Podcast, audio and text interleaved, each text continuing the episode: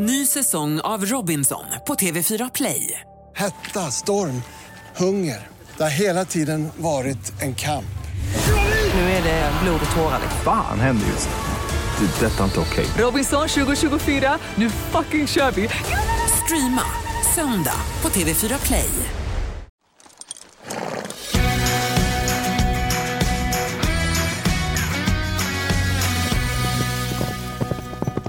Välkommen till Rebecka sadelkammare och ett nytt avsnitt av eh, Ridklubben. Hallå! Hej! Våran sadelkammare är det väl?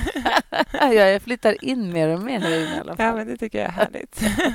Du har varit och hopptränat med salsa. Hur gick det? Det gick jättebra. Det var ett bra styrkepass idag. Inte så där, du vet, när det bara går bra, utan det var kämpigt. Vi fick kämpa mycket båda två.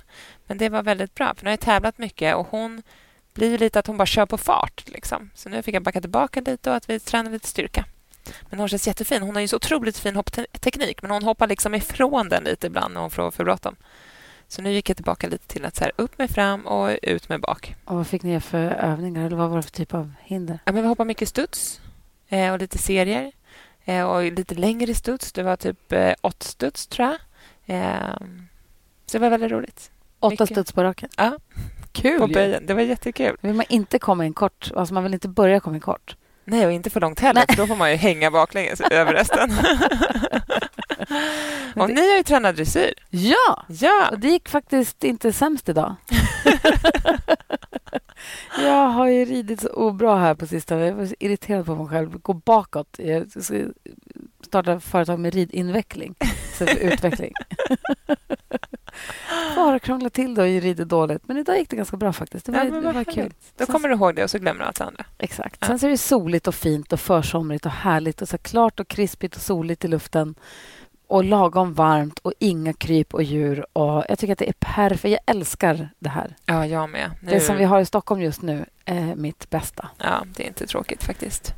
Man, man kan ha ridbyxor utan att man liksom smälter bort men man kan också gå med shorts och det är så här superhärligt. Exakt. Jätte, jätte, Nej, jag bara kunna börja rida ut i t-shirt, det är inte tråkigt. Jag red ut häromkvällen på Neo så här klockan mellan åtta och nio typ, och jag red i t-shirt. Det var så, det var så härligt. Gud vad härligt. Just det, jag kanske ska säga det. att I det här avsnittet så kommer ni få hänga med oss till veterinärkliniken på Mälarens hästklinik i Hölö och träffa eh, Isabella Gransved. Hon, är ju, hon har precis eh, blivit klar Iselp, veterinär. Där hon jobbar ju mycket med eh, liksom, rörelsestörningar eller hur, eh, liksom, ridproblem kring eh, hästar och mycket tävlingshästar. Och vi har massa lyssnarfrågor som vi framför. Och vi pratar allt om ifall hästen slår om till korsgalopp, vad det kan bero på. Och, eh, gud, vad var det? Vi pratade om så otroligt många olika är saker. många med som ryttar lite sned och kanske har åsamkat sin häst problem, pega hur man själv. Alltså hur man, ja, man kan bli en bättre människa för sin häst egentligen. Hur man kan hjälpa sin häst att bli frisk och hålla länge. Exakt. Det, kommer vi, det är vad ni kommer få höra idag. Det var Ja. Och det som var så himla mysigt också är när man får följa med in på... Vi båda blir som två barn. Men vi får följa med in i... Det är bara ett skruffigt fikarum egentligen. Eller ett vanligt liksom, fikarum på en veterinärklinik. Ja, Men bara att få vara bakom kulisserna jag på vet. veterinärkliniken. Det är så jäkla Jag har, spännande. jag har tjatat om att vara den där flugan på väggen Ja. och nu var vi det lite. Men det var verkligen det. Det var Ja. supermysigt. Och vi vill också passa på att påminna er som lyssnar om att den här podcasten är sponsrad av Jackson som har så mycket fint på sin hemsida jackson.se. Vi fick ju vi hade beställt massa grejer från Jackson och så kom de i, liksom i en klump eller vad man ska säga, en stor kartong. Det var som lilla julafton. Att det var så pirrigt. Vet när det är så här, alltså, verkligen lilla julafton. Det bara kryper i fingrarna om man vill prova allt på en gång. Ja, jag hade köpt ett coolertäcke som jag är jätte, jätteförtjust i och ett jättefint träns till, till Harmonia. Ja. Jättefint eh, brunt träns. Jag är ju därförtjust i det tränset. Ja. Och Neo fick ett par nya ludd-framskydd som vi kan ha här nu när vi ska tävla. Det är också så bra att ha massa olika, fra- alltså, ha olika benskydd. För att något par blir gegga och så tvättar man dem så de är blöta. Något par kommer bort en. Och det tredje paret är i tvättpåsen. Och sen så det fjärde. Det är en sån typisk grej som man behöver ett till par av alltid, Verkligen. känner jag. Verkligen. Och sen är det de här eh, tröjorna också som kom. Vi, du beställde två Ja. Och Nicky norpade en Ja. direkt. Den, direkt ut ur påsen så tog Nicky den. Skitfina funktionstoppar med kort ärm som på, apropå rida ut i t-shirt. Ja, så sköna. Och också super, super snygga. Det är det som är så härligt att de är svala och sköna men ändå så så att du kan om den är så här, ordning och reda och snygg och prydlig men ändå sval och skön. Och, Ja, men och även om jag hade på mig den en dag när jag hopptränade och även fast man blir svettig så vissa kläder kan ju upplevas upplevas blöta på en. Det är inte nice. Den här gör inte det, utan jag kunde ändå rida mig svettig och sen gick vi nu till hagen och hämtade hem hästarna och gå i skogen och det är lite liksom burrigt.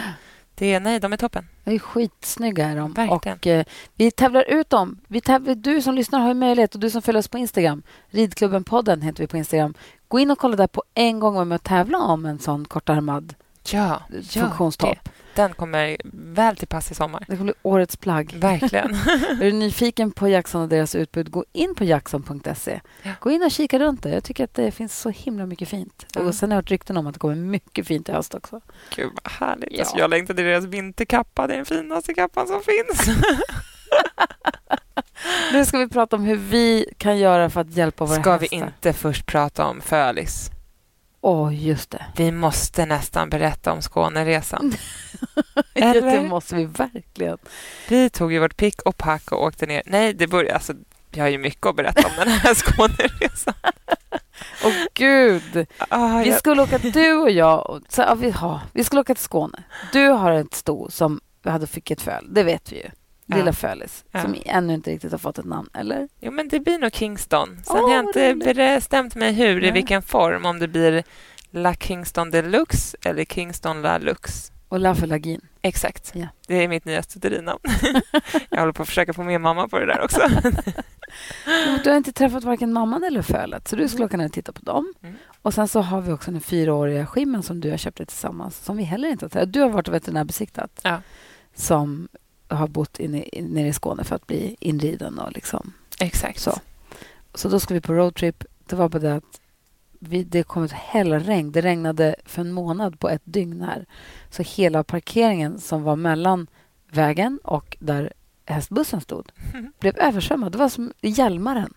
Ja, nej, det var så mycket vatten. Ibland kan man köra över den även fast det är vatten på parkeringen. Jag har bränt igenom stora vattenpölar, men det där var ju något Det vansinnigt. här var ju en sjö. Det var ju en liten insjö här nere. Nej, det var inte klokt. Nej. Så att jag åkte iväg med min familj med bilen och du kom dagen efter med hästbussen. Ja, för att den dagen var jag tvungen att boxera mig över. Alltså Lasse här fick ta vår traktor och dra över mig.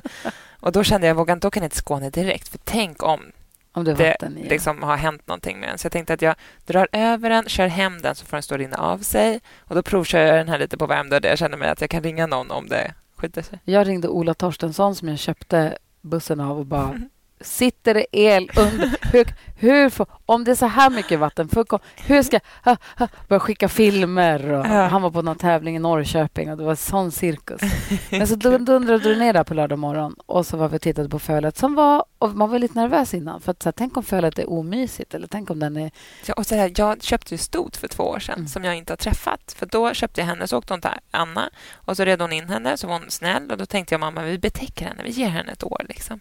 Så betäckte vi henne, inte ens vi, utan de där nere. Och hon bott där och fått ett föl. Har du ägt häst på det sättet någon gång förut? Nej, aldrig någonsin. alltså, så konstigt.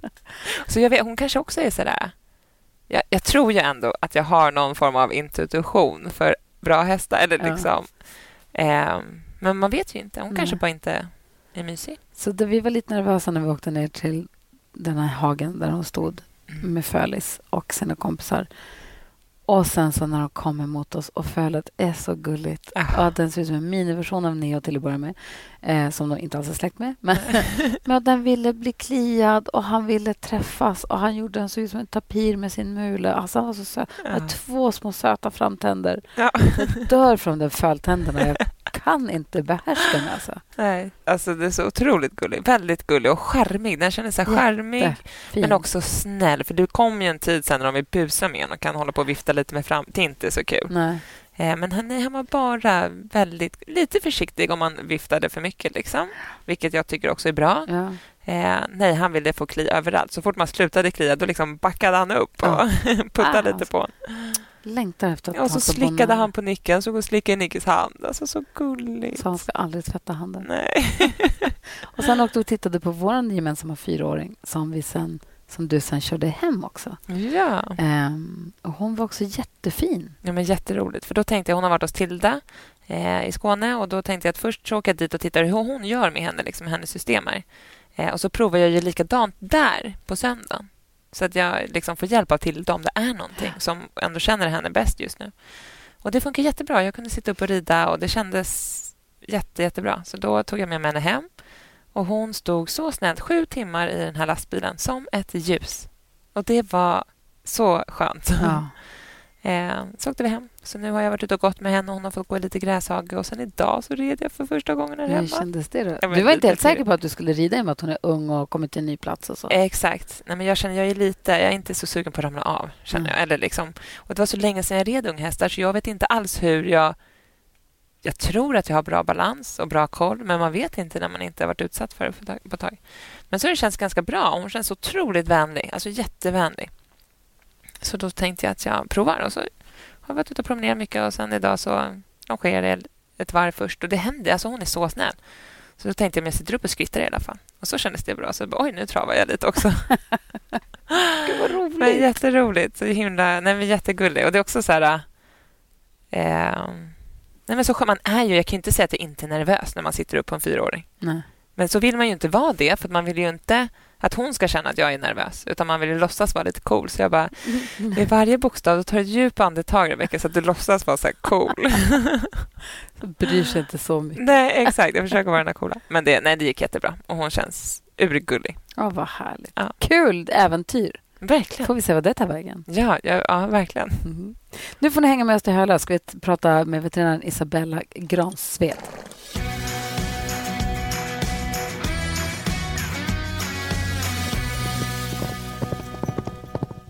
Vi sitter alltså på veterinärkliniken utan häst, tack och lov. Jag vet, men nu är vi den här flugan på väggen, Gry, som vi så många gånger har sagt att vi vill vara. Vi är inte här i något ärende, vi är inte här för att göra någonting. Vi är här, eller vi är absolut här för att göra någonting. Vi är här för att prata med Isabella Gransved. Hej! Hej! Hur är läget då? Jo, men det är bra. Bra. Har du hägt bråda dagar?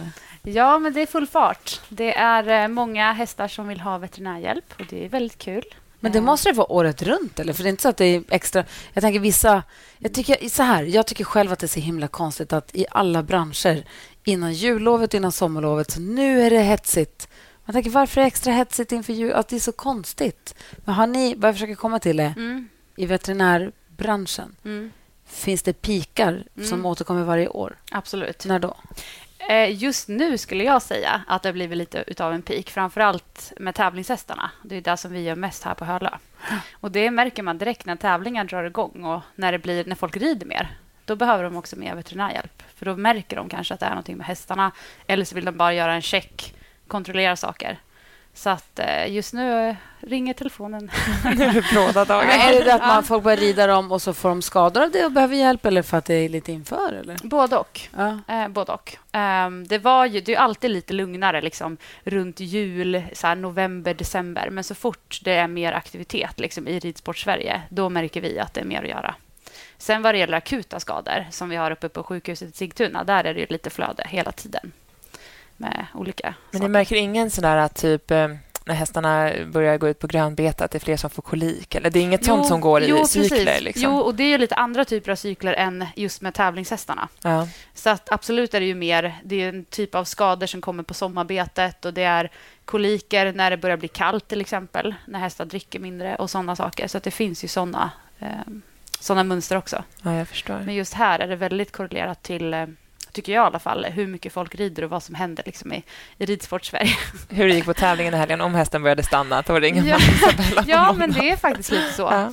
Eftersom vi har väldigt mycket såna såna kunder och vi, vi tittar väldigt mycket på hästar som används i sporten så kanske det blir så att om hästen inte har presterat så som den brukar göra på en tävling, ja, men då kommer man hit för en check eller så kollar man, ja, kan det finnas någon veterinär anledning eller har man sett en svullnad, ett svullet ben efter tävlingen eller ja, vad kan det vara? Jag tänker att det är tråkigt att man behöver upp, alltså, söka veterinärvård, men också positivt att det känns som att fler faktiskt gör det idag. Att man Mm. inte försöker lösa saker hemma själv och chansa, Mm. utan att man tar professionell hjälp från början. Liksom. Mm. Men är det inte så att folk åker till veterinär i tid och otid och lite i onödan? Jo, men kanske. Fast det känns ju ändå bättre att man gör det i onödan än att man försöker själv behandla först och sen får ni ta hand om något som man har Mm. knasat till ännu mer. Tänker jag. Ja, alltså vi tänker ju lite mer så här att vi vill ju gärna ha en nära relation med våra kunder och våra hästägare och att vi lär känna hästarna. För det är mycket lättare för oss att veta vad som är normalt med en häst om vi också har sett den när den är frisk och när den fungerar bra. För det är ju vä- väldigt stor variation på hur hästar ser ut när de rör sig och hur de känns i kroppen och, och så där. Så att det, vi, vi rekommenderar ju liksom hälsokoller också på hästar som är friska. Men det är som vi tycker. Ja. Så att, eh, vi tycker inte att man bara ska komma om det är så att eh, man har en allvarlig skada utan hellre att man kanske kan ligga steget före. Att Dum man, jag känner mig. Jag har aldrig tänkt på att ni aldrig ser hästarna friska. ja, har tänkt på den. Så behöver du inte tänka. Ja. Fast Men, det har eh, de ju. Du har ju varit inne... Jo, men våra, men generellt som Ja. veterinär. Alltså man Ja. ser, som du säger, du vet ju inte hur, hur det brukar vara. Mm. Men, men sen, sen är det klart att man ska också kunna göra en sån bedömning ifall det är eh, någonting som påverkar hästen eller, ifall, eller inte. Alltså även om man ser den första gången. Mm. Men det är lättare med hästar som man känner. Eh, Så att det är också... eh, Det är ju lite i form av att liksom jobba förebyggande. Det finns ju ingenting som vi tycker är roligare än när det kommer in en häst som vi känner, som vi ser som är jättefräsch. Vi ska prata om din, din specialnisch som Mm. veterinär. Men hur kommer det sig att du blev veterinär till att börja med? Mm. Ja, men alltså, jag har alltid älskat djur. Jag är uppväxt här på landet med ja, hästar och katter och ja, rider på ridskola. Hela liksom den grejen. Och vi köpte häst när jag var några år gammal. Mamma häst, hästintresserad från början. Ehm, så att jag, jag tror att jag alltid varit väldigt intresserad av att hjälpa djur. Men från början så var det inte bara hästar, utan det var alla möjliga djur. Och jag vet att eh, när jag var bara några år gammal så hade mamma hon tyckte att det luktade så konstigt i mitt rum och sen började hon leta så här under min säng och då hittade hon en liten burk med så här kycklingben. Så där hade jag ju sen när vi åt kyckling så hade jag sparat alla, alla benen. Ja, för jag tyckte det var så fascinerande liksom, hur djur såg ut på insidan och så tänkte jag att jag skulle lära mig så här, hur benen såg ut. Och sen så frågade mamma, men vad, vad är det här? Liksom? Gud, det här är jätteäckligt. Vad har du sparat på? Nej, men jag ska bli skelettforskare när jag blir stor, hade jag sagt. Så att, eh, så att jag hade liksom... är du det. Ja, lite så. Ja. Så att jag, hade, jag hade på något sätt bestämt mig för det. Så det är inte alla som vet vad de vill bli. Men när jag var så här, gick på högstadiet, då sa jag till folk att jag skulle bli veterinär. Så att jag var helt inställd på det. Så jag Gud, vad skönt också att veta redan då. För då väljer man ju linje. Man, gör ju all, man banar ju väg tidigt. Liksom. Ja, Skönt att du var jag, smart också. Du Ja. ja, men jag, jag, alltså jag tror ju mycket att det handlar om eh, alltså inställning. För Ja. jag hade ganska svårt för vissa ämnen. Jag var inte så bra på matte och fysik och kemi och det måste man ju ha om man ska komma in på veterinär. Ja. Men jag visste också om att jag inte var så bra på det. Så då tog jag extra hjälp, för jag visste att jag var tvungen att ha bra betyg. Så att det var inte bara en Shit, så enkel, målmedvetet. enkel väg. Ja, men jag tror alltid att jag har varit lite så. Eh, Och mina föräldrar var väldigt, väldigt stöttande. Så att de, till exempel, så när jag gick i gymnasiet så fixade de så extra lektioner i matte och fysik och eh, ja, betalade någon privat för att hjälpa mig och så för att jag skulle klara det där. För jag var inte jättebra på det. Men på andra ämnen var jag bra. Att, Och vad är du bäst på nu när du är veterinär?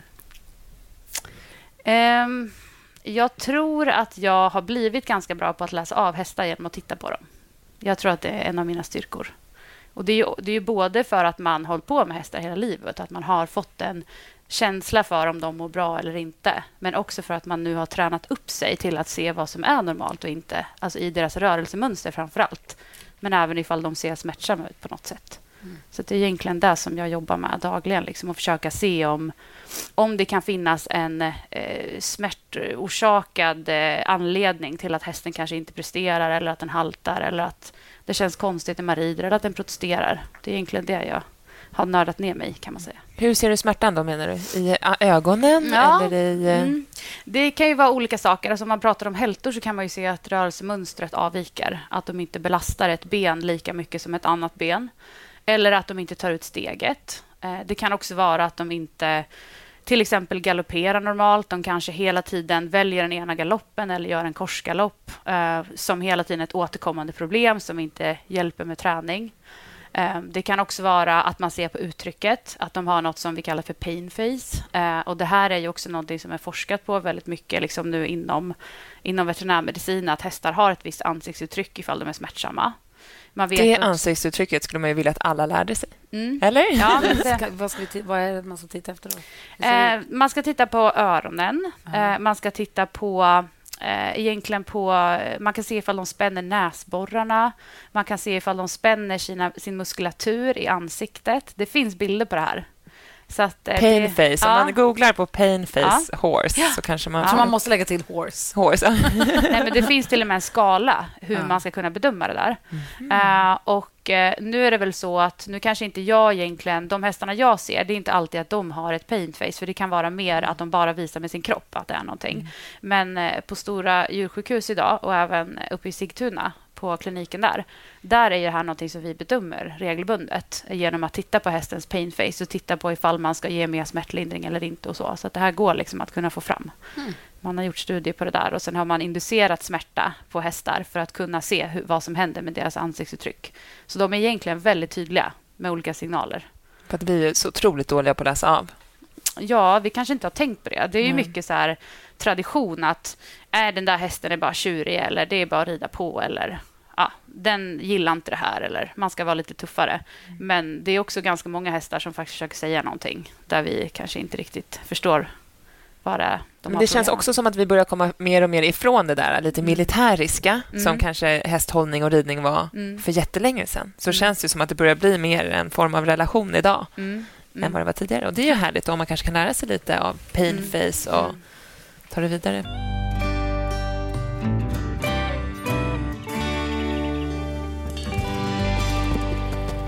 I S Ja, C L E. ja Icelp. den? Ja, ja, precis. Ja. Grattis! Ja, men Du tack. är ju klar med det nu och är ju en av få i faktiskt hela världen som har den specialistutbildningen. Ja. Vad står det för? Det är ju eh, International Society of Equine Locomotor Pathology.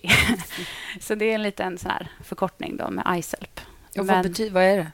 Det är en eh, kan man säga, internationell organisation eh, som eh, eh, har att göra med hästens liksom, rörelseapparat, sjukdomar som hästen kan ha i sin rörelseapparat och hur man ska lära sig att diagnostisera dem. Vad är en sjukdom i hästens rörelseapparat? Ja, men allt ifrån en senskada till en, eh, till en artros, alltså en inflammation i en led, muskelskada. Alltså allting egentligen som gör att hästen får problem att använda sin kropp. Mm. Men det är också så mycket mer än bara en hälta. För Det kan vara sånt som till exempel en ryggsmärta, det kan vara att du har smärta i halskotpelaren. Det Så kan det är vara... inte så mycket sårvård och bakterier Nej, utan det är sånt. mer Inget sånt. senare leder, ja, Mm. muskler och för den delen. Ja, alltså tänk lite som en idrottsläkare. Ja. Ja, det är lite det man blir på häst. Som en sport, sporthästläkare, kan man säga. Fan, spännande. Och vad är det mest överraskande som du har lärt dig? Mm. Alltså det, det är så himla mycket, för det här har jag hållit på med i ett antal år nu. Så att det går inte att säga en sak, men det, det som jag mest har liksom tagit med mig därifrån det är ju att olika problem hos hästarna ser ut på olika sätt. Och Många gånger så kan man, om man blir duktig på att titta på hästarna och läsa av dem så kan man redan där få en aning om var problemet sitter. Eh, alltså det kan handla om en viss typ av hälta. Ifall, hästa, ifall hältan kommer när hästen sätter ner benet i marken eller ifall den kommer när hästen ska skjuta ifrån med benet eller om den har svårt att föra fram benet. Och Beroende på hur den här hältan ser ut så kan man direkt få en aning om vilken struktur eller vilken anatomisk struktur som kanske gör ont eller inte fungerar. Eh, och sen också att verkligen eh, sätta ihop den här helhetsbilden med vad är det för problem som man upplever med hästen och hur ser hästen ut och vad hittar vi för något? Eh, att det måste finnas en koppling där. För att det kan ju vara så att eh, en veterinär går igenom hästen, man, man pratar inte så mycket med ryttaren om liksom, vad de upplever för problem. Och sen hittar man kanske en böjpulsreaktion någonstans, att den kanske är um i en kota till exempel. Och sen så behandlar man den här kotan och så tänker man att det var det som var problemet. Men egentligen så kanske det bara var ett symptom på någonting helt annat som hästen egentligen har problem med. Så att det är väl mest det jag har fått med mig, att kunna se den här helhetskopplingen, att verkligen titta på hela hästen. Och också att eh, helst titta på hästen i den situationen som den visar problemet. Det vill säga ifall en häst har Säg att en dressyrhäst som har ett problem med en viss rörelse när den ska gå en sluta till höger. Ja, men då kanske jag behöver se den i den rörelsen, antingen på en video eller att de faktiskt rider den. För det kanske inte är samma sak som jag ser här ifall jag bara tittar på den när den springer rakt fram utan ryttare. Just att det, är, det kan vara lite större och man måste ha det där helhets, helhetsperspektivet. Hur många, har du stall, stallkompisar i ditt stall eller står du själv i ett litet stall? Alltså, vi har en egen liten hästgård. Eh, har vi. Så att vi har ju, jag, jag är ju liksom själv i mitt stall. Skönt för dig kanske. Jag tänker att det vore drömmen att ha en veterinär i stallet. Som man bara, jo du, nu känns det lite härligare. Kan inte du titta? Se, vad gör jag för fel? Nej, exakt.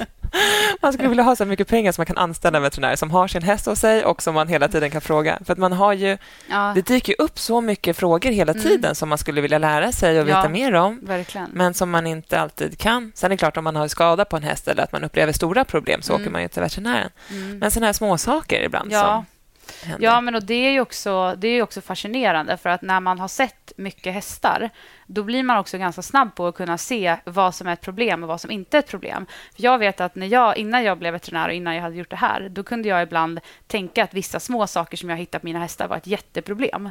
Eh, Medan jag idag kanske helt har ändrat mig på den och tänker att ja, men det där är inte alls ett problem, det är inte farligt. Medan andra saker är jag jättepetig med. Ja, Eh, som ja, du inte var petig med. Ja, men, eh, som ett exempel då, att jag är ganska... Eh, nu jobbar jag visserligen då med, med, med just det här hältor, men jag jobbar, har ju också jobbat en hel del med medicin och koliker och sånt där. Och jag, jag tror att jag själv är ganska observant på att se om en häst håller på att få kolik. Eh, och jag vet att min sambo, vi har vid några tillfällen så här, när vi har sett hästarna i hagen, vi hade den förra ponnen vi hade, han hade lite kolikproblem. Och då kunde jag så här, när jag tog ut den på morgonen, så bara, han mår inte bra idag. Han har kolik. Och han bara, nej, du, du, du håller bara på att överdriva. Du ska alltid hitta fel på hästarna. Jag bara, okej. Och sen så står jag och tittar på den så här. Och sen en timme senare så ligger den i hagen liksom har kolik. Så att jag tror att vissa saker är man ju mycket mer du vet, uppmärksam på saker nu som är allvarligt. Och samma sak vissa hältor, vissa svullnader, där jag vet att i den där strukturen är det inte bra att vara svullen i, för det där kan till exempel vara en senskada. Medan vissa andra svullnader eller sår, där kanske man blir väldigt mycket mer avslappnad och bara, ja, ja, det där är ingen fara, det där Där kan jag släppa ut i där hagen. kommer. Ja, Det där exakt. kommer läka. Så att För man, man har ju vill lära blivit... sig de där grejerna som du är uppmärksam på. Jag vill ju veta vad det är man ska kika efter. Då. Ja, men det tror jag det kommer ju också när man ser mycket häst. Så att det, till exempel så ifall du har en häst som har haft en viss skada så kommer du att lära dig supermycket om den skadan. Så den kommer inte du missa. Nej, jag kommer ju aldrig någonsin missa en senskada igen. Vår häst fick en senskada på sommarbetet som jag missade. Den hade ett litet sår där, men det var samma. Jag tänkte det var ett litet sår. Lite så här, det kommer gå över om den får du vet, Mm. ta det lite lugnt och gå en liten hage ett par dagar. Jag kyler och värmer och höll på att dona. Mm. Och sen så, så skulle skritta jag den lite ett tag, men det vart ju inte bra. Och så var det ju en senskada. Mm. Och hade jag, nu vart det ju bra, Mm. den funkar jättebra idag och peppar, Mm. peppar verkar hålla. Men jag hade ju kanske kunnat flyttat fram den rehabiliteringen lite Mm, mm. om jag hade åkt in till veterinären direkt. Mm. Nej, men det där är lite klassiskt. Och det var ju samma sak för mig. Alltså de, eh, alltså när jag, jag red mycket när jag var junior. Och De skadorna som jag hade på mina hästar då det var ju de första skadorna som jag var riktigt bra på att hitta på andras hästar. För att jag visste precis hur det hade artat sig och hur... eh, Ja, vad, vad ska man säga? Hur, vart den var svullen och såna där saker. Så att du är ju säkert noga med att känna på senor nu efter att du har varit med Ja, om det där. gud, ja. Och alla Ja. som har ett sår på en sena i stallet de kommer Ja. direkt till mig. Kan du kolla på det här benet? Precis. Så att man, man blir ju bättre på det man håller på med. Så är det ju, helt klart.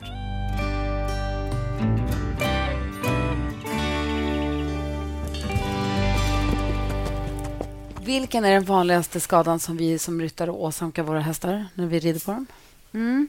Det är lite svårt att säga liksom bara en skada.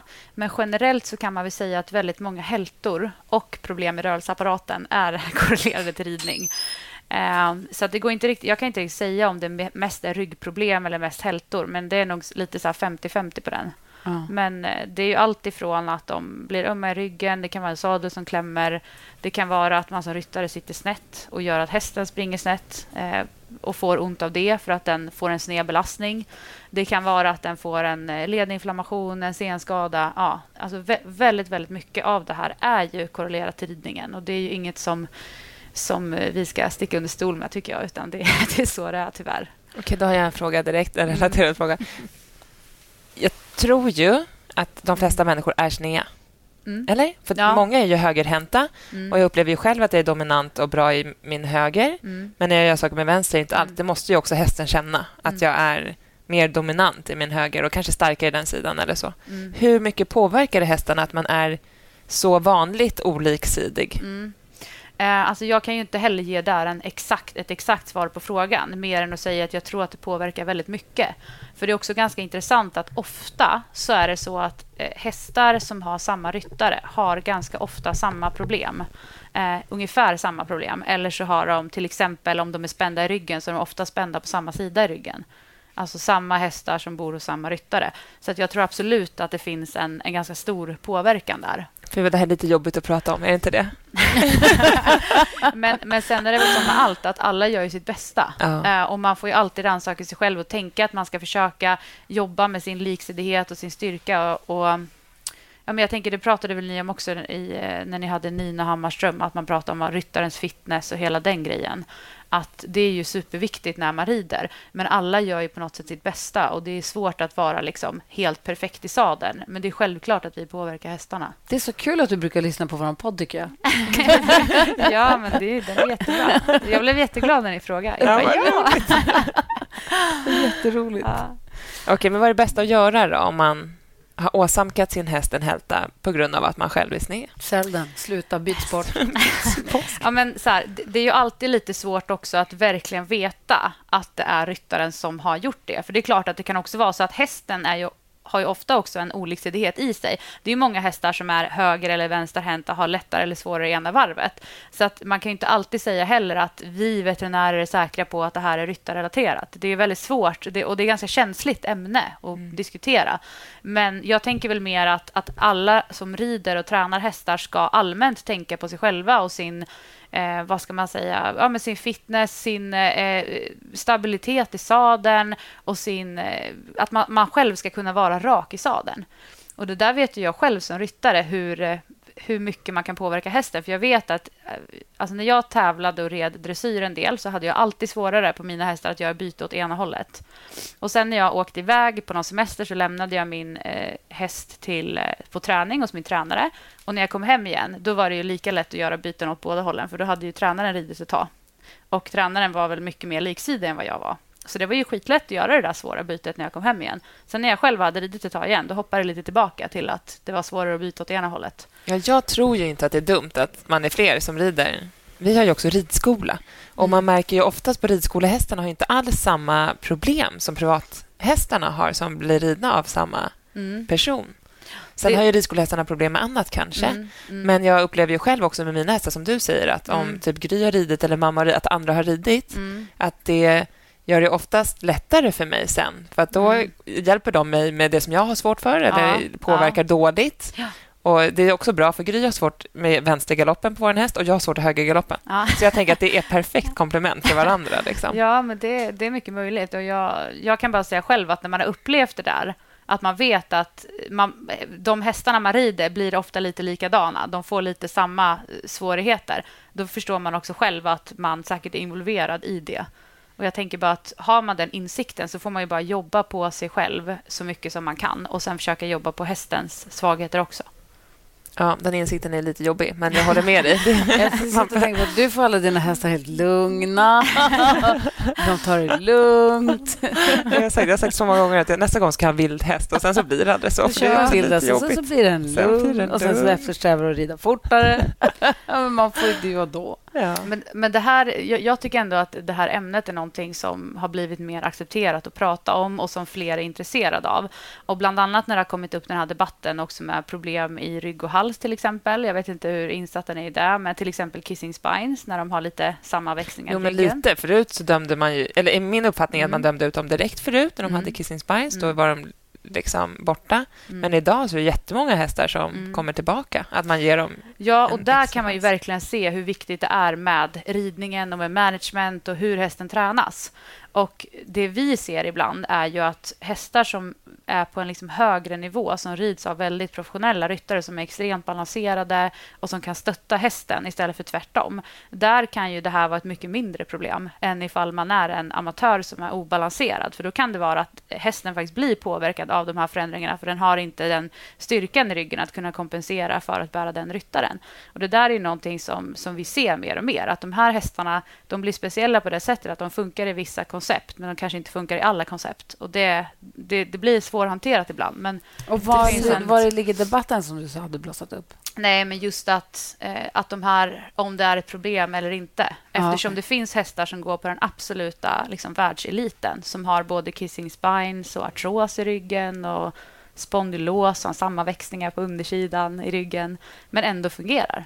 Och Sen kan det finnas en häst som inte ens vill gå framåt för att den har kissing spines. Och där kan ridningen och sättet man tränar den vara väldigt, väldigt avgörande. För. Är, är spondylos och spondylit samma sak? Nej, inte riktigt. Okay. Nej skulle jag inte säga. jag har ingen aning om någonting. Men det där är ändå intressant, för då Ja. tänker jag också så här, det är också en debatt nu om att vi svenskar verkar vara så besatta av röntgenplåtar, att vi Mm. röntgar hela hästarna och det måste vara UA på röntgen som Mm. pratat om i tidigare avsnitt av podden. Mm. Men då kanske det också är så att är man en amatörryttare eller en Mm. nybörjare, Mm. att då kanske det är viktigare då Mm. att röntgen är fin så att hästen har bra förutsättningar för att kunna bära och lära den här ryttaren. Mm. Och är man proffs så kanske man har- kan ha överseende med det. Ja, och, och man känner... Alltså, jag, jag tror att det ligger något i det du säger. Och eh, Man kan väl också säga att eh, alltså, professionella ryttare som eh, rider mycket, tränar mycket hästar, de har oftast också haft hästar som har de här problemen och sett att de har kunnat få dem att fungera. Då är de inte lika rädda heller för att köpa en häst med olika fynd. Så att det känns ju som att det är ryttare som rider mer på hobbynivå. Det är nästan de som också är mer försiktiga med röntgenfynd jämfört med eh, mer ja, professionella eller elitryttare. Men jag kan också förstå Ja, men för det. de kanske Mm. också, kanske- det, det kanske du sa, men de kan ju också sälja den om det inte funkar. Medan Mm. är man amatör och ska köpa en häst, så kanske en häst man ska ha för livet och en kompis. Och Mm. en, alltså Mm. att rida på, men också Ja, man kanske som- också lägger sina enda pengar på det där. Man Och- tänker att man ska ha den i kanske 10-15 år. På den. Exakt. Alltså, Ja. men det är en annan sak. Ja, kanske. men och liksom, jag, jag förstår ju båda, Mm. båda hållen. Så att det där är ju... Ja. Det är också så här, alla elitryttare kan ju inte ta hand om alla hästar som har något röntgenfynd, för då har ju de jättemånga. Eller liksom. men det är, ju- Ja, det är men sen är det ju många... Alltså, det det, är ju många det, är inte, det är inte så att alla hästar med kissing spine måste heller ha en elitryttare, utan det är mer att, att man, man kan ändå se att det finns en koppling till hur de rids, ifall man får dem att fungera eller inte. Så Mm. mycket kan man väl säga. Ja, Gud, vad intressant. Vi har ju också fått så otroligt mycket lyssnarfrågor när jag skrev ut Ja. här att jag skulle komma hit. Bland annat din kompis i Dubai undrar när du kommer dit och hälsa på. Ja, just det, jag såg den. Ja, eh, När det eh, lugnar sig. Exakt. efter pandemin- corona kommer jag, Carro, jag lovar. Ja. Härligt. Men Ylva har också frågat eh, tips för eh, att få den äldre hästen att hålla och må bra. Tänker på foder, ridning, vila med mera. Ja. Ehm, ja, egentligen hon har redan tagit upp flera faktorer där som, som är viktiga. Alltså foder är ju superviktigt och tänder på en äldre häst. Det hade ni ju, ni hade ju Tove Mm. Särkinen som ni pratade med. Eh, och ehm, alltså äldre, eh, så här, hästar, eh, deras tänder har ju en viss livslängd. Så tänderna blir ju sämre när hästen blir äldre. Och där är det superviktigt att hålla koll på munhälsan och hur Så att tänderna de kan äta. så att de kan äta och få i sig det de behöver för att också kunna sätta muskler och få en stark kropp. Så att ja, det finns ju en direkt koppling där. Eh, och Sen eh, så tänker jag att det är bra att de motionerar så att de hålls igång. Så att de inte bara liksom står still i en hage och man tänker att de ska få ta det väldigt lugnt för att de är äldre.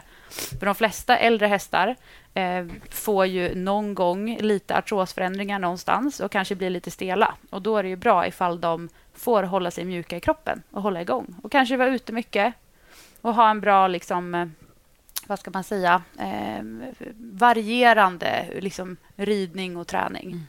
Sen är det klart att har det varit en tävlingshäst som har gått hårt så kanske man inte fortsätter att träna den så hårt när den blir äldre. Man får ju trappa ner lite på, kanske på intensiteten i träning men ändå tänka att den ska hållas igång i träning och att man ska hitta ett upplägg som passar den hästen. Kan du dra något generellt? Typ att den kanske, man rider den sex dagar i veckan och vilar en dag? Eller är det promenader i skogen då? Eller är det stor hage? Mm. Räcker det? Eller? Al- Alltså så här, jag tror inte egentligen att hästar måste vila.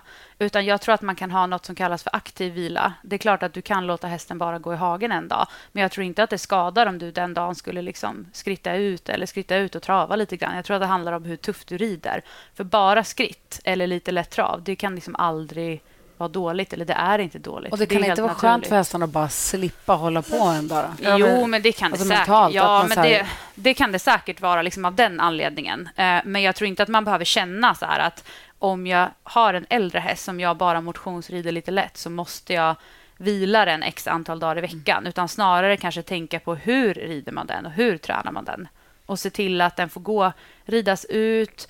Rider man lite på bana ska man nog inte vara för mycket på bana flera dagar i rad. Tänka på underlag och sådana saker. Men hästar som är igång, som inte är gamla, hästar som är igång och tränar Mm. och tävlar och sånt. Mm, Eh, hur skulle du rekommendera med vila mm. till en sån häst? Eh, jag tycker väl aldrig att de kanske ska stå helt still.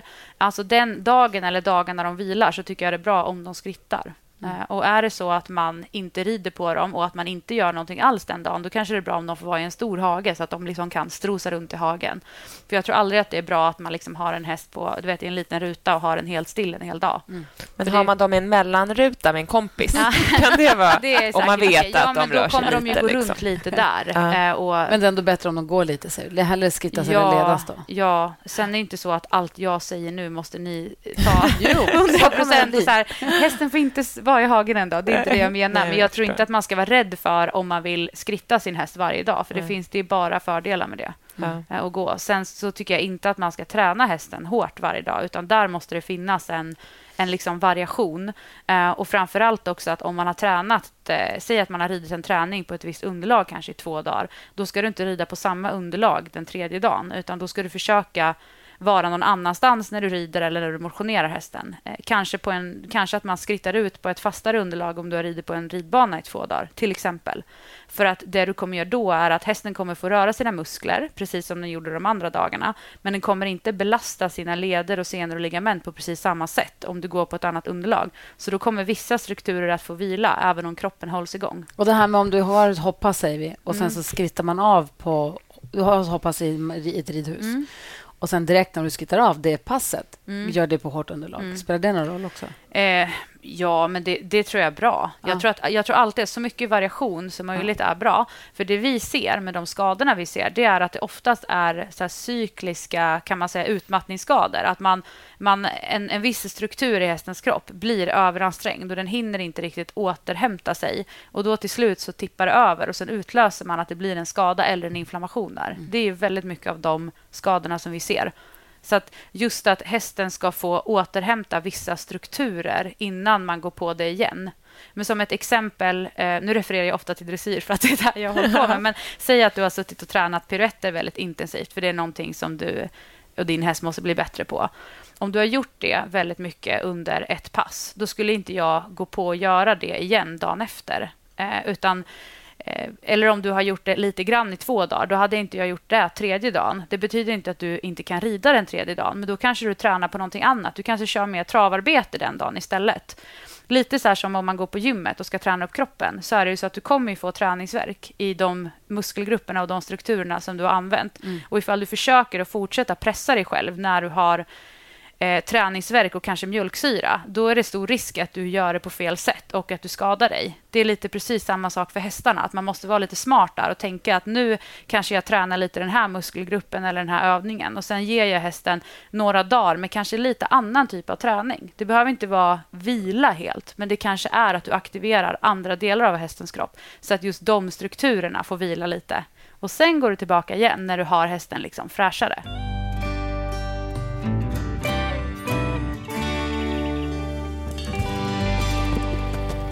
Jag tänkte på det här också med, eh, man pratar om hur man ska träna hästen. Jag, för hållbarhet alltså. Jag tror att det är superviktigt att hästarna ska ha bra kondition och att man ska konditionsträna dem. För där tror jag att vi missar lite eh, inom, inom flera sporter. Oavsett om det är liksom hopp, dressyr eller islandshäst eller vad det nu är. Men ibland känner jag att man är lite osäker på hur mycket Mm. man vågar konditionsträna. Är du med? Att det är svårt att avgöra hur, hur bra... För pigga hästar kan man uppleva har god kondition för att de springer Ja. medan lata hästar att de har dåliga för att de inte vill gå fram alls. Ja. Men jag tror inte att det är det som är avgörande ju egentligen Mm, i, för konditionen. Nej. Och då tänker jag så här, kan man på något sätt veta hur mycket som är lämpligt? Mm.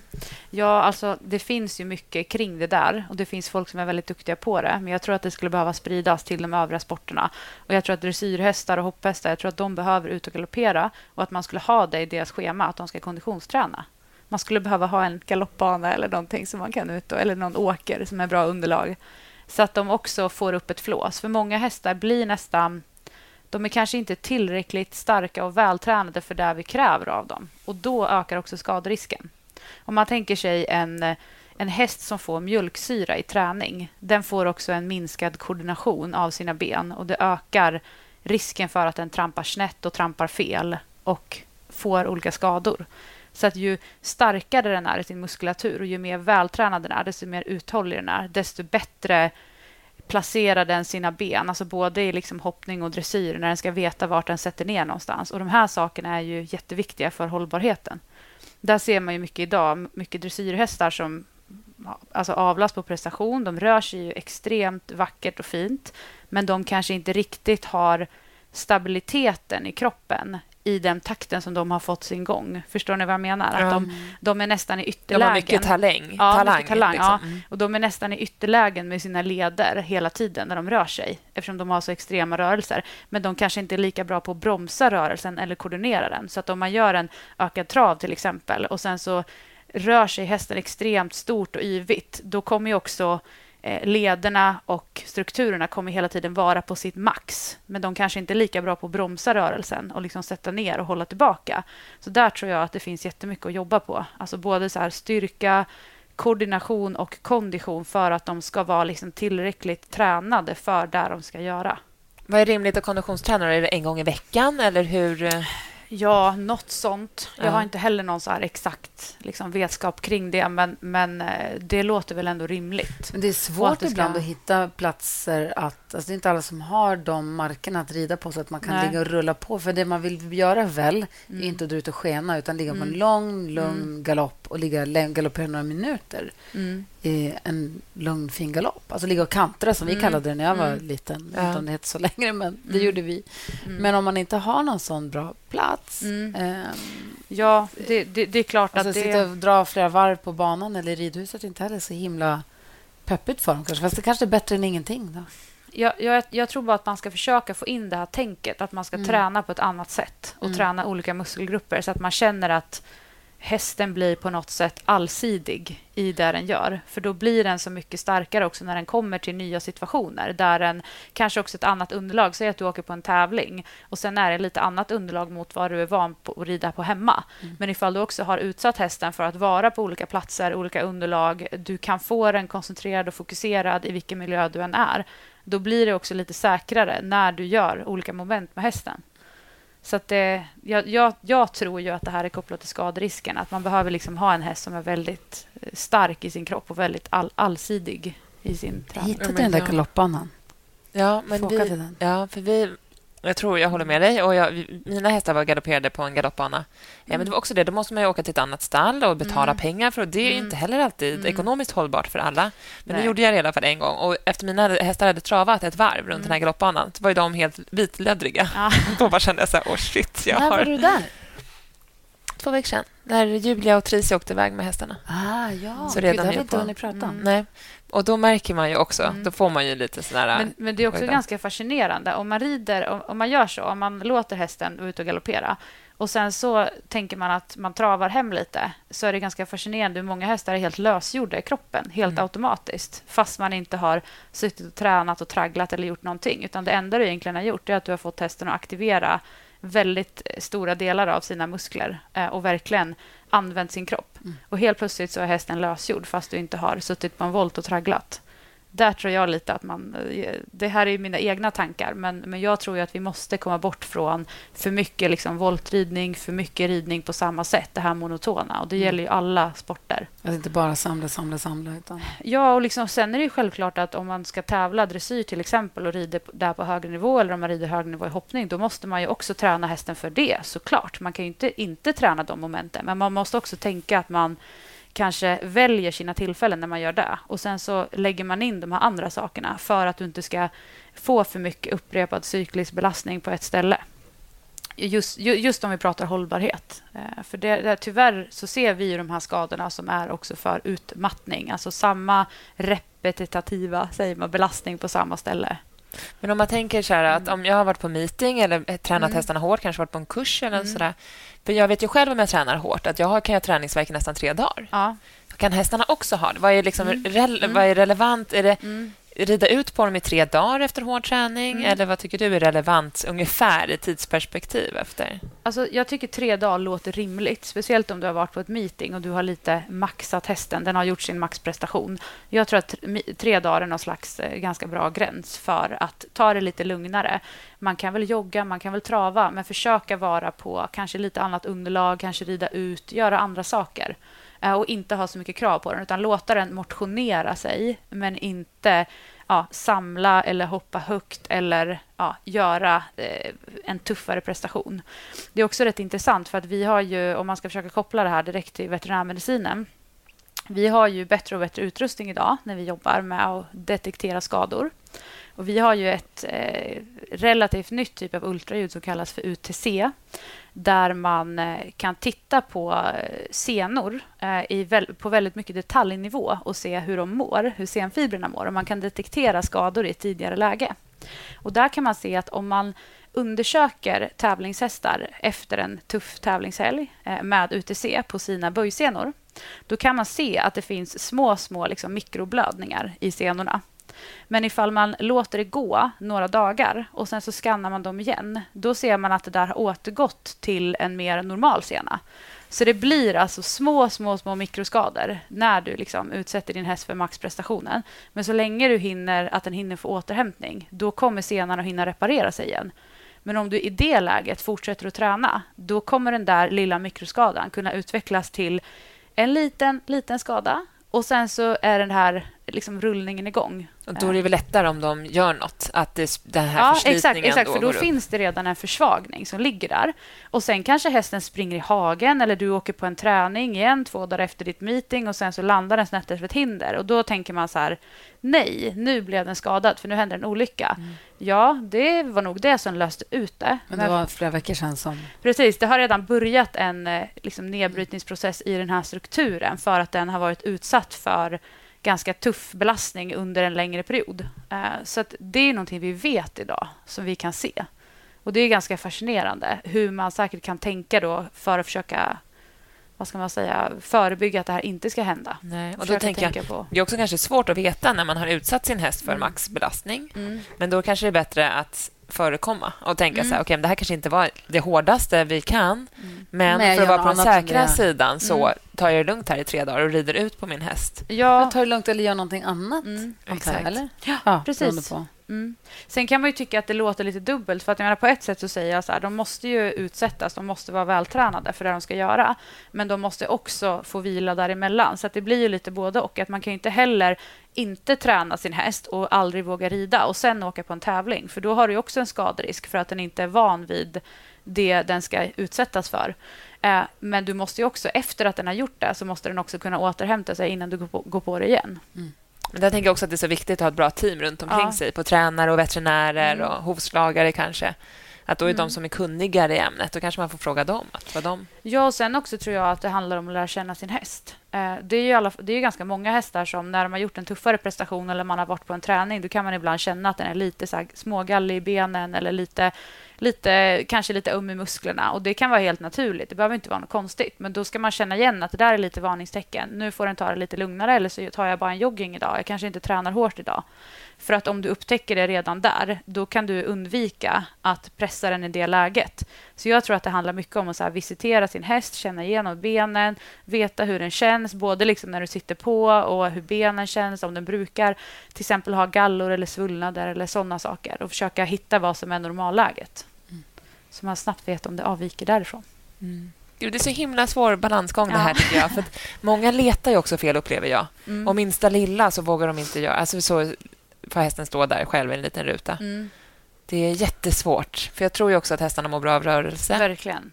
Men jag tror också att är en skada så vill man ju uppsöka hjälp snabbt eller ta Mm. hand om det på en gång för att kunna Mm. hjälpa dem i ett tidigt Mm. skede. Men som du säger, man får ju försöka lära känna sin häst så gott det går och att man Mm.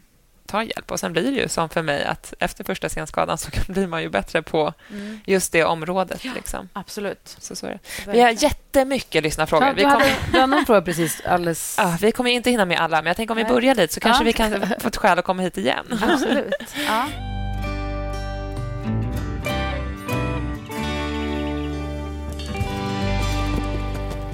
Stella hon undrar, eh, viktigast att tänka på när hästen har korsförlamning? Mm. Ehm, just, just när den har korsförlamning. Eh, vet, jag kanske ska dra lite kort vad det är för någonting, om Ja. inte folk vet. Eh, ja, men korsförlamning det är ju en typ av eh, kan man säga, muskelsjukdom som hästar kan drabbas av. Och, ehm, det, det, är att de får problem att lagra in liksom, glykogen i, i musklerna. Det blir ett problem liksom, inuti kroppen i muskelcellerna. Och Sen så skadas de och så läcker det ut enzym. Och Då kan man ofta få en häst som är väldigt väldigt öm i muskulaturen runt korset. En del hästar kan inte ens röra sig. Eh, de blir ofta väldigt svettiga, för det här gör väldigt ont på dem. Och Det kan komma ganska akut. Eh, och Det kan komma efter att man har gjort en lite tuffare prestation. Och Om man skulle misstänka att hästen har eh, korsförlamning så behöver man kontakta veterinär. Så att precis i det läget så så är det ju liksom veterinär som gäller. För och den här att... myten om att det är för att de står i drag, då, att det är att det är blått på dem? Eller? Nej, det tror jag inte. Ja, det, det, tror jag är lite myt. Ja. Eh, det kanske mer handlar om en häst som är lite känslig i ryggen mm. eller så, som blir kall. Kanske att det har kommit därifrån. Men korsförlamning är ju mer en sjukdom som egentligen börjar invärtes, ja. Eh, men som får symptom som vi ser. Eh, och man, man ställer egentligen diagnosen på hur hästen rör sig och hur den känns när man palperar ihop med att den har förhöjda muskelvärden. För man ser på blodprov att det har läckt ut sådana här muskelenzym i, i blodbanan. Eh, så att jag tycker att de här hästarna behöver veterinär och man behöver kolla deras muskelvärden. Och Sen så behöver de också smärtlindras och man ger dem ofta dropp. Eh, så att det, just i det läget, när de väl har det, så, så handlar det om att hantera det liksom enligt vad den veterinären bedömer att man ska göra.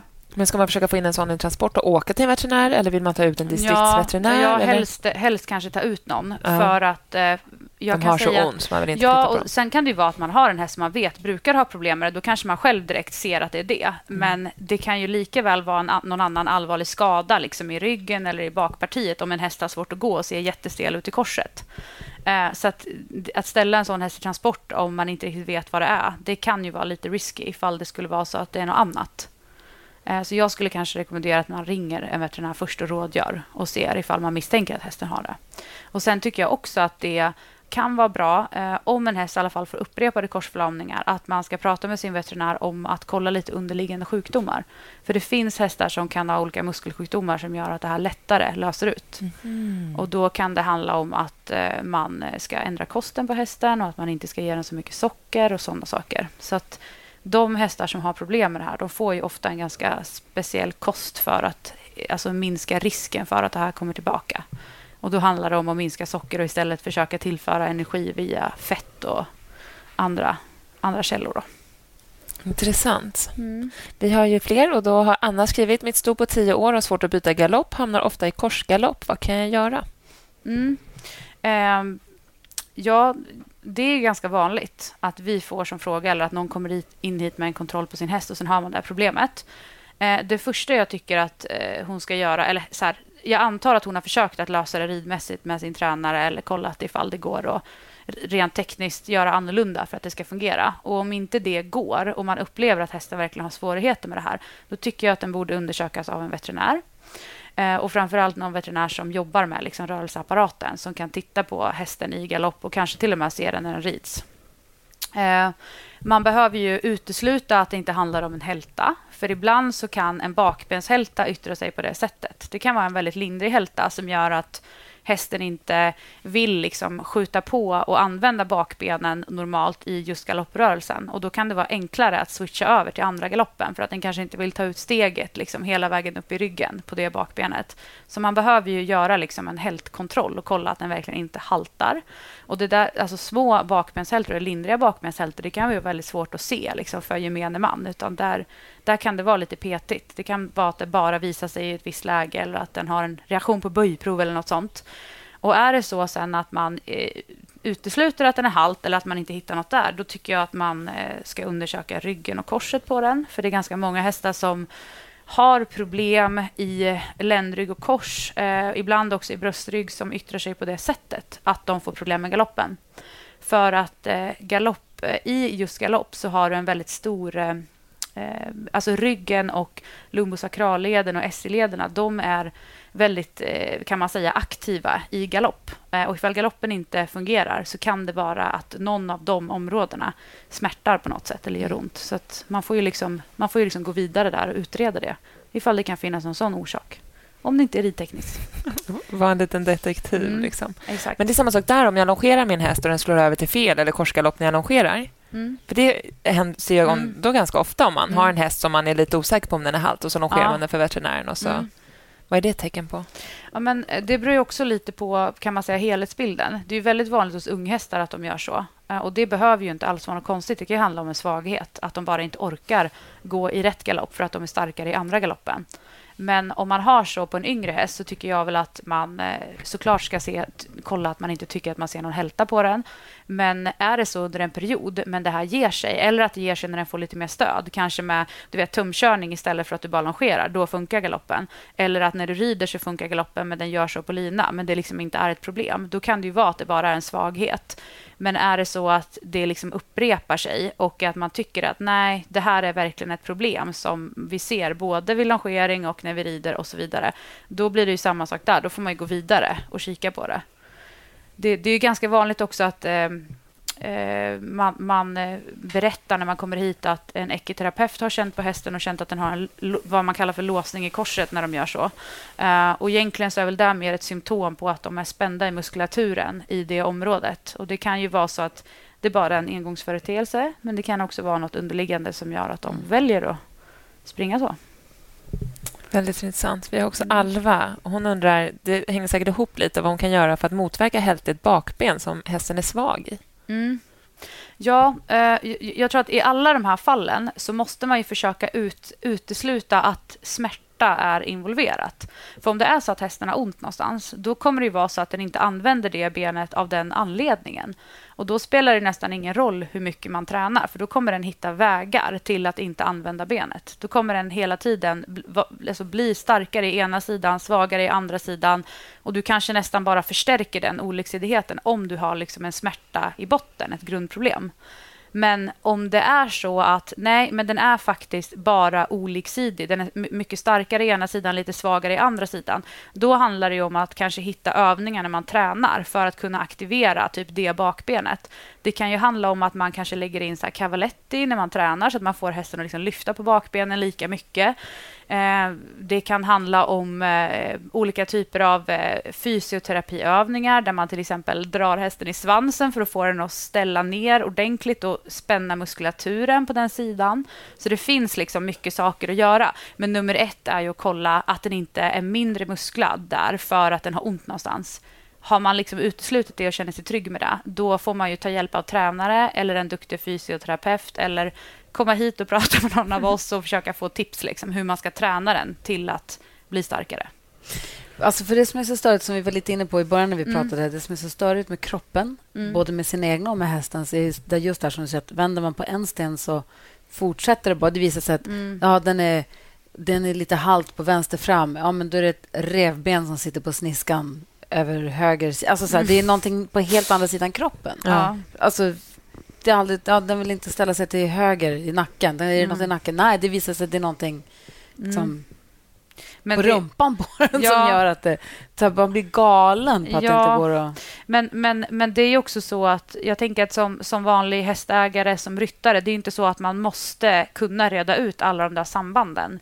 Utan det är därför vi finns och det är därför vi veterinärer och försöker bli bättre på det här och försöka kunna se den här helhetsbilden av vad som är vad. Sen får man också komma ihåg att det finns ju hästar som är tydligt oliksidiga, alltid har lite svårare åt ena hållet och det kanske finns en orsak till varför det är så, men det är inte alla de hästarna som har smärta eller har ont, utan de kanske presterar ändå om man har hittat ett bra system för dem. Då är det inte så att man måste börja gräva i alla de hästarna och försöka leta fel, utan har man en häst som är glad, den presterar, det känns bra när man tränar, man har en positiv utveckling, då är det inte så att man måste liksom vända och vrida på varje liten sena eller muskeln. Men, men som jag tapp, blev helt, ja. jag tappade rösten. Jag jobbar med radio, så jag, inte, så jag tappade min röst. Och bara så, det här är ett problem för mig. Ja. Så gick jag till en eh, vad heter röstpedagog. De är två, och en som är sjukgymnast som jobbar bara med folk som använder rösten som yrkesredskap. Ja. Liksom. Och då, började hon, då masserade hon mig dels fram på axlarna, men också på ryggen. Mm -hmm på övre delen av ryggen och bara mm. prata om något tungben som fäster. Och Det var mm. liksom ett tjotahejti. Det var inte alls runt munnen eller halsen. Ja. Utan det var... Vad fan var det nu någonstans? Men var det inte ryggen hon masserade, tror jag? För att få loss mm. Men blev det bättre då? Ja, ja. toppen. Mm. Plus att jag fick göra röst... Alltså, ja. Ja. Gå och blåsa. Kommer du ihåg när jag blåste i ja. sugröret? Med bubbla med vatten med ett mm. glasrör och sånt där för att mm. jobba upp stämbanden och mm. vad det nu var. Eh, men just att det liksom inte hänger ihop. Jag tänker också på ett jävla nyckelben som jag bröt för mm. nu ett och ett halvt år sedan. Mm. Ja, då visar sig, då säger tränaren att jag ska träna Du vet, ska man, då ska man, man överkompensera och använda Mm. kroppen konstigt. ska man Mm. träna upp Mm. baksidan istället. Mm. för att få ba- ja. Mm. Ja, men, eh, Och exakt det är ännu etter värre med hästarna. Ja, så, så är det. Och Jag tror att bara att man är medveten om hur komplext det är Mm. gör att man blir lite mer ödmjuk och lite mer eh, kanske inkännande med hästarna. För att jag vet bara att när jag, när jag började hältutreda um, eller bara när jag var student och jag gick med andra veterinärer och när man kanske inte vad ska man säga, förr så var det kanske inte lika petigt. Man kanske inte jobbade lika mycket som vi gör idag med sporthästar. Då var det lite mer så här att det fanns ett visst antal diagnoser som man kunde ha på en häst. Och antingen hade den det, eller så visste man inte riktigt vad det var. Och då kanske man bara gav hästen lite fenylbutazon eller lite Metacam eller vad det nu var. Men idag är ju vi också mycket mer petiga och vi går vidare mer och vi har också lärt oss så extremt mycket mer om hästens kropp och hur komplexa de här sambanden kan vara. Så att det kan ju låta jättemycket att ta in när vi börjar prata så här om alla olika saker. Men jag tänker mer, det är därför man behöver bygga upp sitt team runt sig. Så att man vet att man har en veterinär man litar på som man kan prata med. Och när ska man leta efter fel och när ska man bara rida på? För att det är också som du var inne på, att om man alltid letar fel, då kommer man inte heller någonstans. Utan man måste ju också våga träna hästen. För det är det är ju det är ju liksom bra för hästen att hålla sig igång i rörelse. Och Går den bra och presterar, då är det inte alltid att man måste åka till veterinären för att hästen kanske är lite oliksidig. Men känner du att någonting från det läget avviker eller att hästen känns oren, protesterar, haltar, ja, men då måste du kunna känna igen det. Ja, för jag tänker att hästar borde kunna skita som vi. Alltså en fis på Mm. tvären eller något som bara Ja. ätit dåligt eller sovit dåligt kanske, varit stökigt i Mm. stallet eller vad som helst. Mm. Och Då kanske man bara låter dem ha det den dagen och rider ut eller gör någonting annat. Och kanske framförallt ston kan jag tycka. Ja. Att de kan verkligen ha Mm. sina perioder när de inte är så samarbetsvilliga. Gud, vad jag känner igen det någonstans ifrån. Gör du?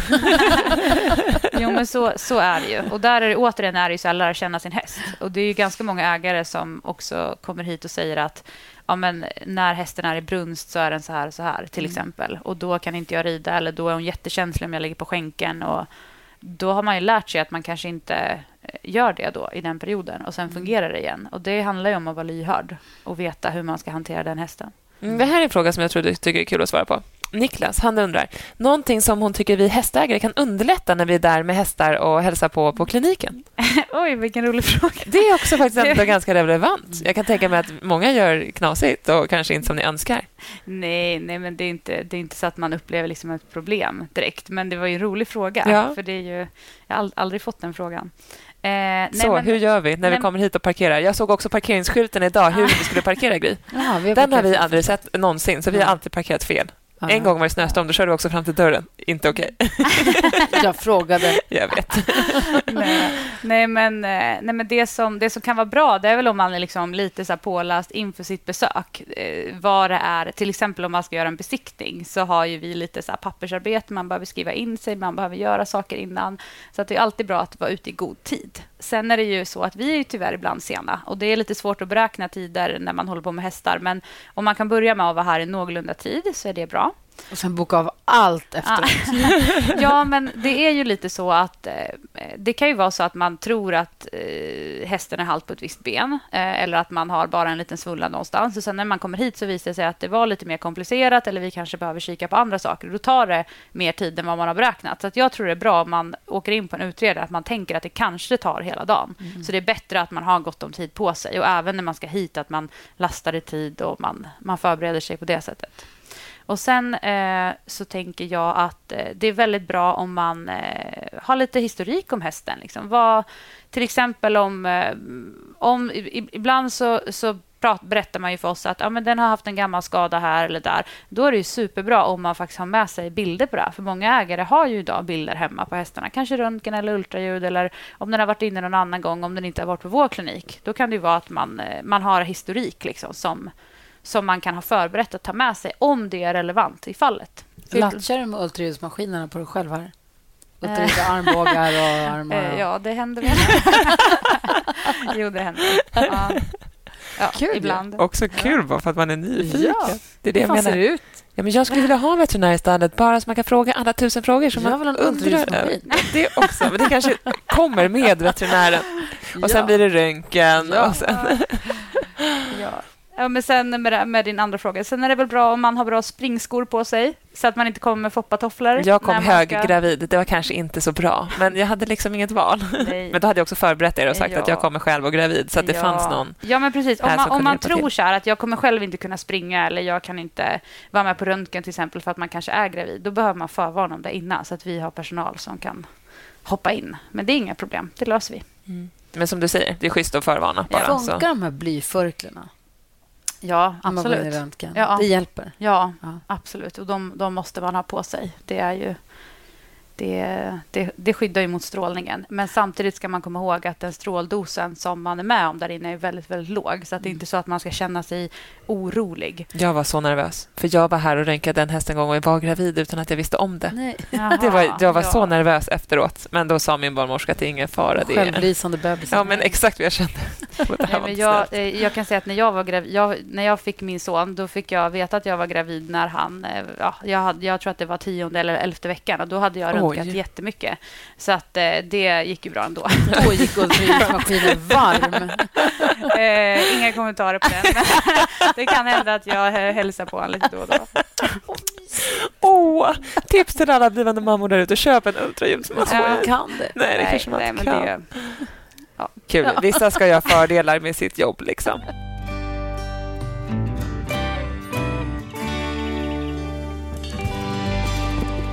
Visitationen får ju bli mitt stalltips. Ja, få höra. Ja. Nej, men jag, jag tycker att varje dag som man träffar sin häst så ska man liksom ta eh, händerna och dra liksom från öronen, liksom över halsen, över bogen, ner över frambenen. Dra handen så här under magen. Alltså bara känna igenom den. Alltså det tar inte mer än en minut på båda sidor, liksom, från topp till tå. Bara så man lär känna den, eh, hur den känns. För att om ni gör det varje dag, då kommer ni direkt märka om det finns en svullnad eller en galla någonstans. För det är inte helt ovanligt att eh, man kommer hit på utredning och sen så börjar vi undersöka hästarna. Och på några sekunder så säger jag så här, här är en liten knöl, har den varit här förut? Eh, antingen så är man ju bombsäker och bara, ah, den har alltid varit där. Eller så är man så här, jag vet inte. Nej. Och där tänker jag att eh, om man gör det där, om man har det som rutin, då kommer du veta stensäkert när någonting har inträffat. Och det kan vara ganska viktigt ibland om det händer något. Man ska ändå borsta den. Så man Ja. kan, man, Bara så här, känn igenom benen, kolla liksom. För du kommer också komma ihåg, du vet om man också känner samtidigt som man ser något, då kommer du att programmera in i ditt hjärna hur hästen känns. Och sen kommer du så här, vänta nu, vad är det här?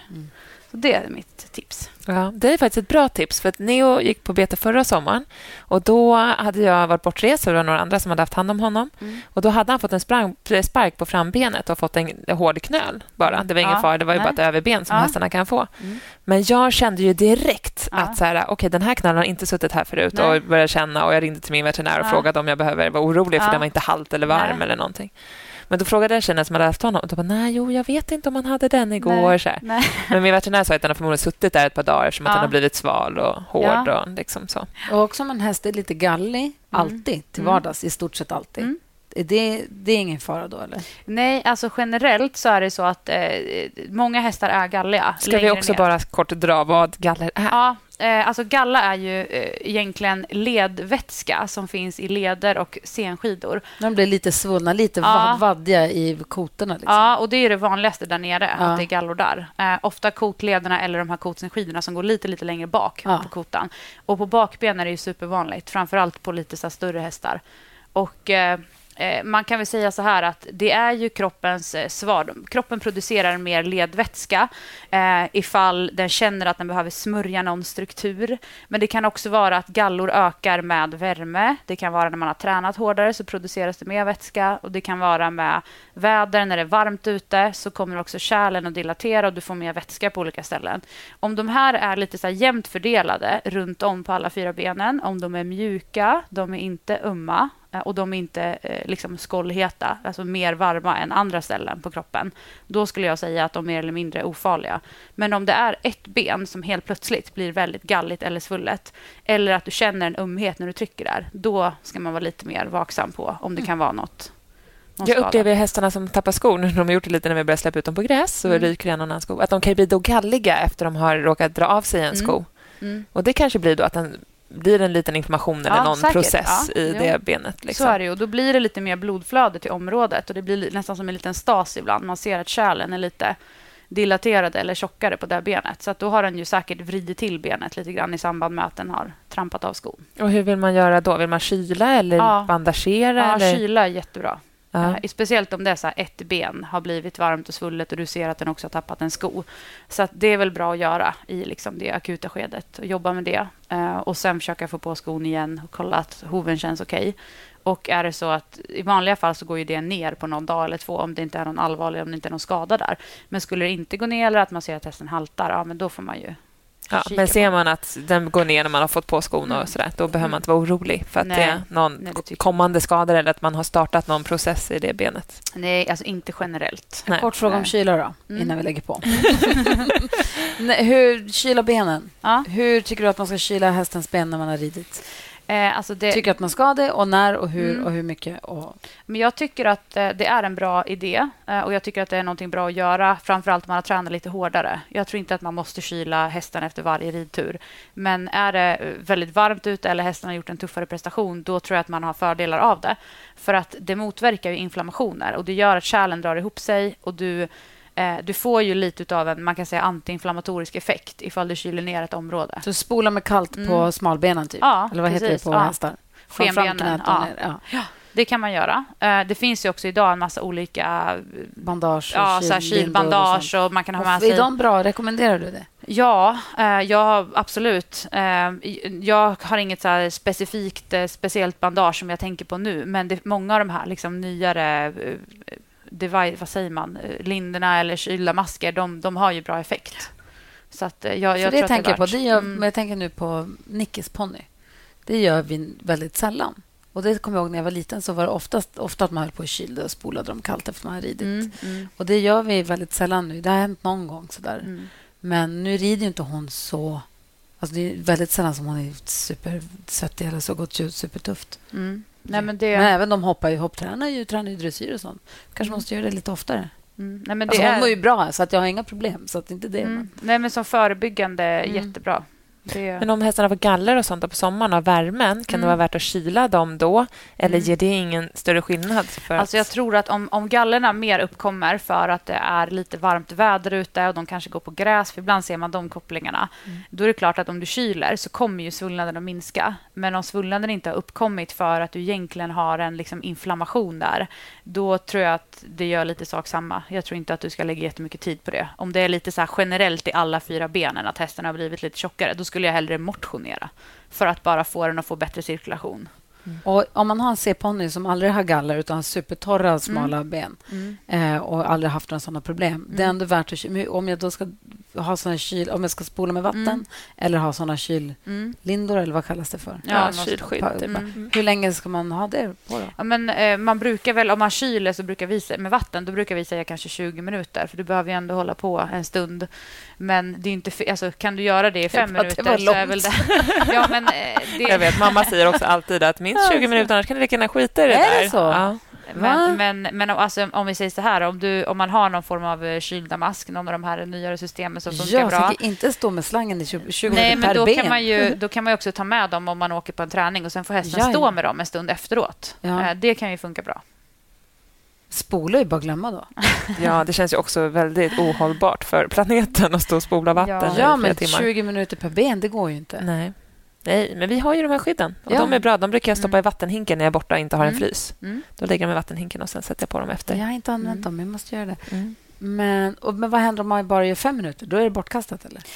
Nej, man, man ska väl inte säga att det är bortkastat, men jag tror att för att du verkligen ska få lyckas eh, kyla ner benet och få lite mer effekt så brukar man säga 20. Men det, jag, jag tror inte att det finns en exakt vetenskap på det där heller. Det är väl bättre att kyla fem minuter än att inte kyla alls. Men ska du verkligen tänka att du ska ha en ordentlig effekt så tror jag att det behöver vara lite, lite längre. Har jag missbehandlat hästen nu som inte har gjort det här? Nej. Din häst mår ju jättebra, på tal om att inte leta problem. Nej, jag vet. Nej, alltså nu pratar vi ju liksom förebyggande Ja, men om ni exakt. tränar lite tuffare och så. Du Men- känner mig dålig som inte har gjort det. Nej, behöver det inte behöver du känna inte göra, för din häst är jättefin i benen och den är aldrig gallig och den går som tåget. Peppa, peppa. Nu är det du som jinxar. Jag säger bara fakta. Ja. Åh. Men vi har ändå best- bestämt en ny dejt, tänker jag, så då får vi ta med oss Går in ponnyn på om den. Jackson, letar efter kylbandage. Tror du har det? Nej, Jag måste ha Ja, tusen, tusen tack Isabella. Som sagt, Ja. vi har många, många fler frågor så jag hoppas verkligen att vi kan ses en gång till. Ja, absolut. Ni är alltid välkomna. Tack! Ja.